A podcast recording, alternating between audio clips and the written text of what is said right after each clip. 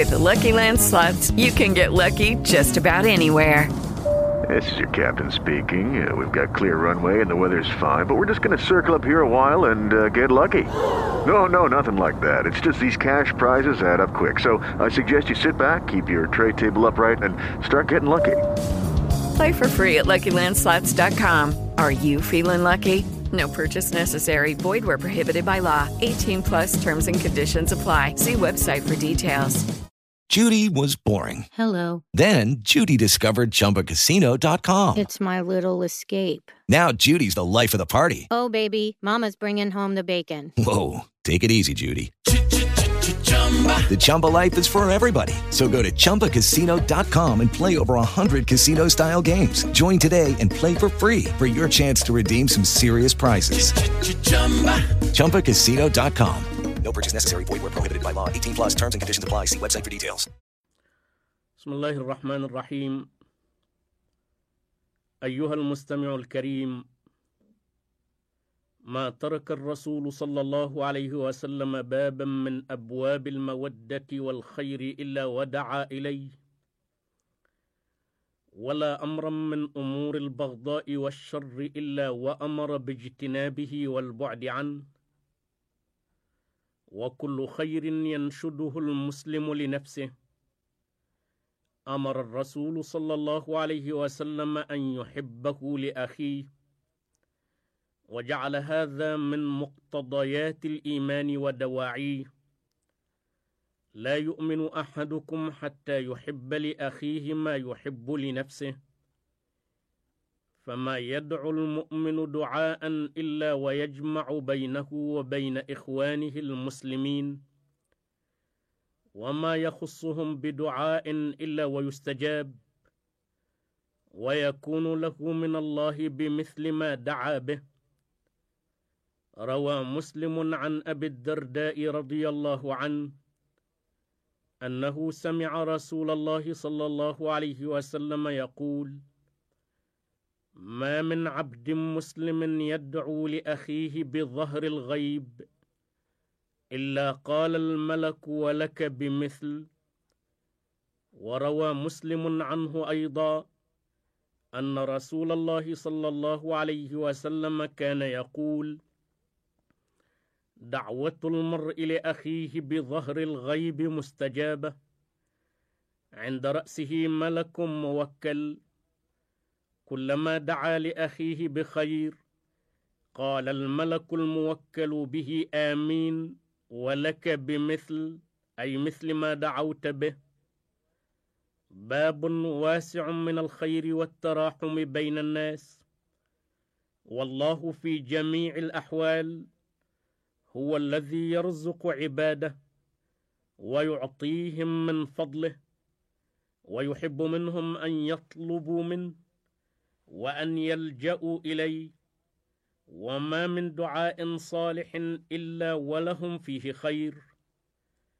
روى الترمذي عن عبادة بن الصامت رضي الله عنه أن رسول الله صلى الله عليه وسلم قال ما على الأرض مسلم يدعو الله تعالى بدعوة إلا آتاه الله إياها أو صرف عنه من السوء مثلها ما لم يدع بإثم أو قطيعة رحم.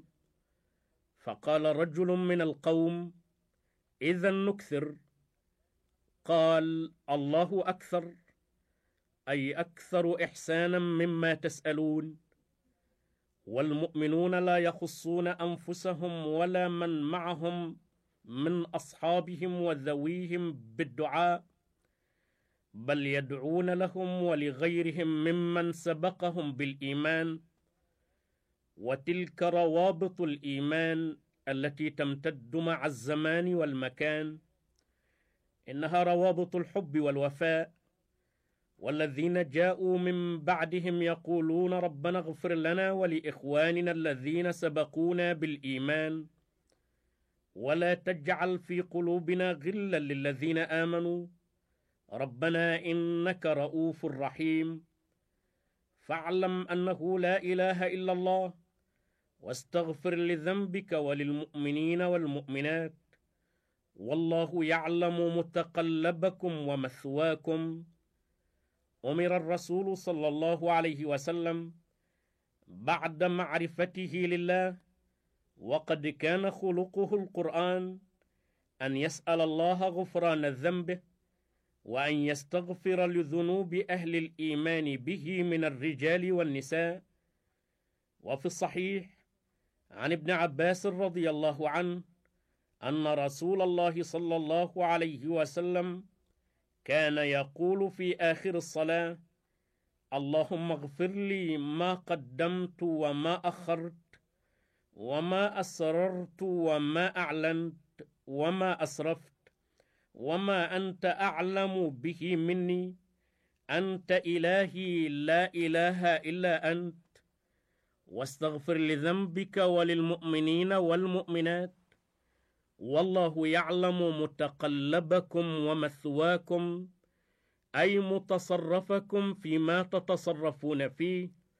واقامتكم على ما تقيمون عليه من الاقوال والاعمال فيجازيكم عليه. والقرآن الكريم الذي تخلق الرسول صلى الله عليه وسلم به ودعا إليه وأمر بالاعتصام والتمسك به ترى الدعاء فيه بأسلوب الجمع المنبئ عن المشاركة في الطلب والاتفاق في الغاية والعواطف والتراحم وحب الخير للمؤمنين جميعا.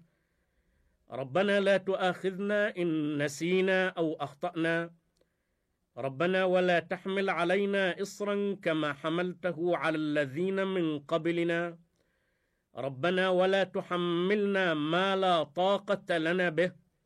واعف عنا واغفر لنا وارحمنا. أنت مولانا فانصرنا على القوم الكافرين.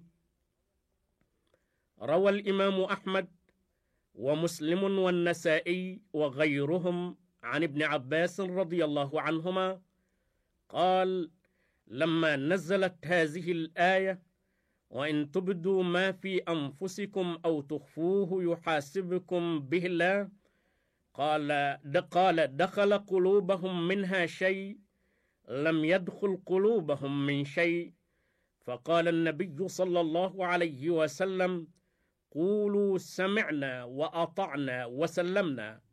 قال فألقى الله الإيمان في قلوبهم فأنزل الله تعالى لا يكلف الله نفسا إلا وسعها لها ما كسبت وعليها ما اكتسبت.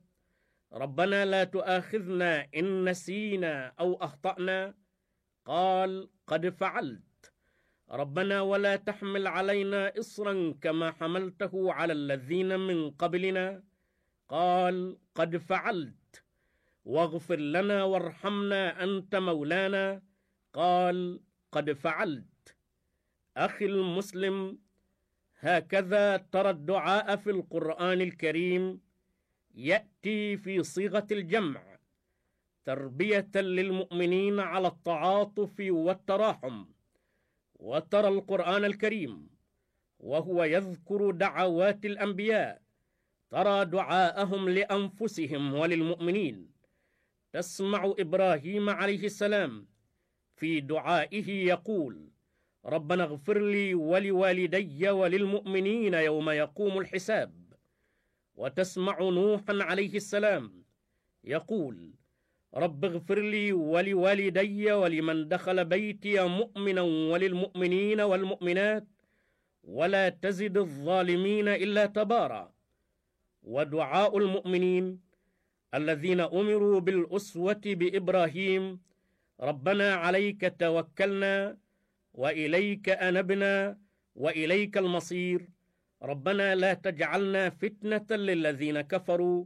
واغفر لنا ربنا إنك أنت العزيز الحكيم. إن الروابط بين المؤمنين تقوم على أساس ثابت ترتبط به القيم والأخلاق وتنبع الأعمال والسلوك. ومن تسمية الله لهم تتحدد خصائصهم وتعرف أعمالهم. والمؤمنون والمؤمنات بعضهم أولياء بعض يأمرون بالمعروف وينهون عن المنكر ويقيمون الصلاة ويؤتون الزكاة ويطيعون الله ورسوله. أولئك سيرحمهم الله. إن الله عزيز حكيم. إنهم يخلصون العبادة لله وحده ويلجؤون إليه دون سواه يدعونه في السراء والضراء. يرجون رحمته ويخافون عذابه ولا ينشد واحد منهم الخير لنفسه دون سواه بل يرى خيره فيما يقدمه لإخوانه وفيما يبذله لهم من عون. بعضهم أولياء بعض يأمرون بالمعروف وينهون عن المنكر ويقيمون الصلاة ويؤتون الزكاة ويطيعون الله ورسوله. أولئك سيرحمهم الله.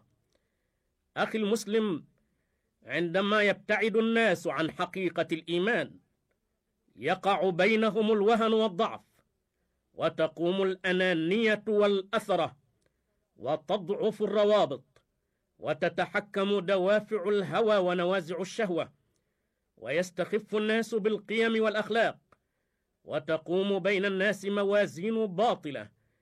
يزنون بها أنفسهم ويتفاضلون فيما بينهم.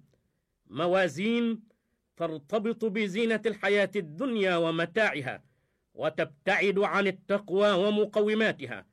موازين لا يرى الإنسان فيها بفضائله وأخلاقه وإنما يرى بصورته وماله. موازين لا ينظر الله تعالى إلى أهلها ولا يقيم لهم يوم القيامة وزنا إن ميزان الله الذي ارتضاه ولن يقبل من أحد غيره. إن أكرمكم عند الله أتقاكم. إنه الميزان الذي علت به أمتنا وارتفعت كلمتها وعز جانبها. إن الكريم هو الكريم عند الله ولن يكون إلا بالتقوى والعمل الصالح. بهذا الميزان تعرف قيم الرجال وتتفاوت درجاتهم. بهذا الميزان يتحطم الهوى الكذوب ويذوب العجب الأبله ويذهب التفاخر بالآباء والأنساب والتطاول بالماء والمتاع ويتاح للقيم أن تعمر حياة الناس وأن تحقق أعظم النتائج وأبرها.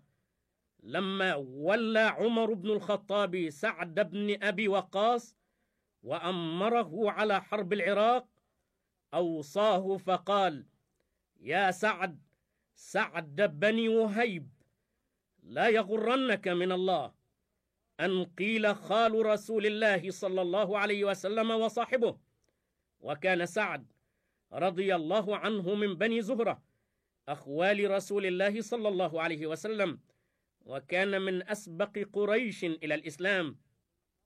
فإن الله عز وجل لا يمحو السيء بالسيء ولكن يمحو السيء بالحسن. فإن الله ليس بينه وبين أحد نسب إلا طاعته شريفهم ووضيعهم في ذات الله سواء. الله ربهم وهم عباده يتفاضلون بالعاقبة ويدركون ما عند الله بالطاعة. فانظر الأمر الذي رأيت النبي صلى الله عليه وسلم منذ بعث إلى أن فارقنا فالزم فإنه الأمر. هذه عظتي إياك. إن تركتها ورغبت عنها حبط عملك وكنت من الخاسرين. أخي المسلم نحن إذا بالطاعات وبصدق النيات. نحن بالإخلاص والصدق والتجرد لله وحده. نحن بشكر نعم الله والاعتراف بفضله. نحن بما نقدم من عون لإخواننا. وما نحمله وما نحمله من خير لهم. نحن بالله لا بسواه. فادعوا الله لنفسك ولإخوانك. واصدق في حب الخير لهم. ينالك من الخير أضعاف ما ترجو. وما عند الله خير وأبقى للذين آمنوا وعلى ربهم يتوكلون.